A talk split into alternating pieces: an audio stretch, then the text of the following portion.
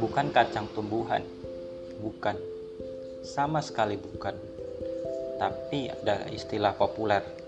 Maksudnya adalah keberadaan kita seolah-olah tidak dianggap oleh sekitar. Baik itu ucapan maupun tingkah laku kita. Lantas, banyak dari kita yang memutuskan menyerah untuk menjadi pribadi yang lebih baik.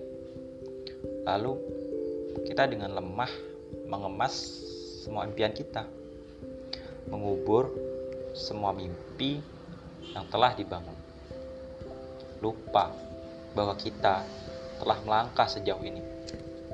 Itulah yang membuat banyak orang gagal.